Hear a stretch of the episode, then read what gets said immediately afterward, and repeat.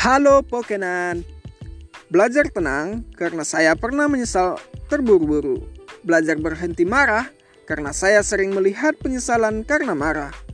Belajar ikhlas karena saya tahu Allah Maha Adil. Belajar memulai lagi karena hidup terus berjalan.